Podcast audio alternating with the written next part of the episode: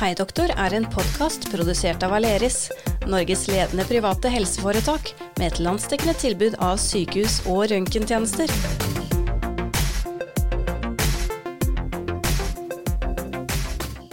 Hallo, hallo, og velkommen til nok en episode av Hei doktor. Jeg heter Dina Heie Pedersen, og i dag så skal vi snakke om eh, noe som jeg tror egentlig alle kan eh, relatere seg litt til. Og det er nemlig det å ha vondt i magen. For hvor mange har ikke hatt det en eller annen gang i løpet av livet? Eh, og til å svare på alle spørsmålene mine i dag, så har jeg fått med gastroenterolog ved Aleris, eh, Peder Tobias Sandvold Olsen. Velkommen. Tusen takk. Da må jeg jo stille deg spørsmålet, da. Hva er det en eh, gastroenterolog gjør for noe? en gastroenterolog er en spesialist i indremedisin som har etterutdanning og, og kompetanse på mage-tarmsykdommer og, og, utreder mage-tarmsykdommer. Eh, og i løpet av livet så er det jo veldig mange av oss som opplever det å ha vondt i magen. Når er det man eh, bør sjekke opp eh, hva disse plagene kommer av, da? Ja, her syns jeg vi kan skille mellom de akutte tilstander og de mer kronisk tilbakevendende tilstandene. Fordi du har akutte tilstander som man ikke opplever ofte, men noen opplever. og uh, Blindtarmbetennelse, tarmslyng. Klart, Det skal man sjekke der og da, men da vil man som regel ikke lure på om man er syk. Man vet det. Da er det så intense smerter at det, da må du bare få det sjekka med en gang. Da haster det. Mm. Og så har du det som vel utgjør tallmessig det jeg ser mest av, i hvert fall, det, det er jo de kronisk tilbakevendende mage-tarmplagene. Det er jo til dels normalt å, å ha litt småplager fra, fra, buken. Sånn som jeg tenker, Hvis man har vedvarende, relativt nytilkomne plager som varer utover en måneds tid, kan det være lurt å få det vurdert. Utover en måned, tenker du da at man har liksom litt vondt hver eneste dag? Eller er det litt sånn ja, altså, litt her og litt der? Ja, det er litt vanskelig å svare generelt på, men, men, men et problem som man ikke har hatt før La oss si at en voksen person som meg begynner å få vondt i magen og ikke har hatt noe særlig mageplage før. Og det vedvarer over noen tid. Jeg vet ikke si hva som er riktig, men fire-seks uker så kan det være lurt i hvert fall på en vurdering av om dette utgjør et helsemessig problem eh, eller ikke. Men hva er de vanligste grunnene til at vi får vondt i magen, da? Det er så mangt.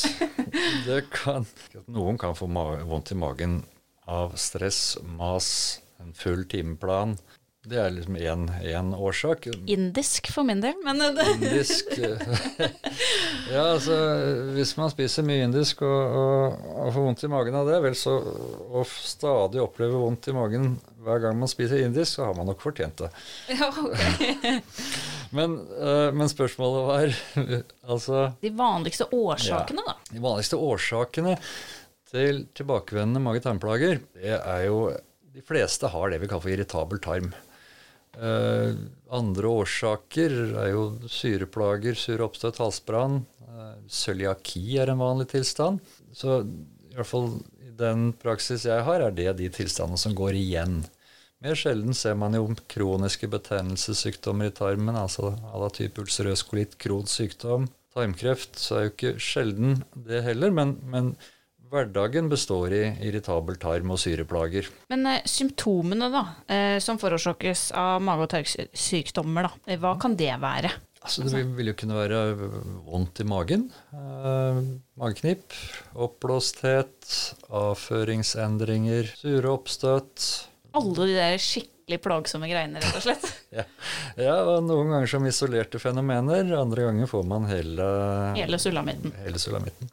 Men hvordan utreder man det her? da? Hvordan finner man ut at det er det en er plaga av? Ja, Det kan gjøres både enkelt og avansert. Hos uh, yngre mennesker f.eks., der sjansen for å ha til grunnliggende alvorlig sykdom tross alt er liten, kan man ofte begrense seg til en samtale med pasienten, forsøke å kartlegge symptomene, eventuelt gjøre en enkel utredning foran blodprøver, avføringsprøver. Veldig ofte vil man da komme til mål.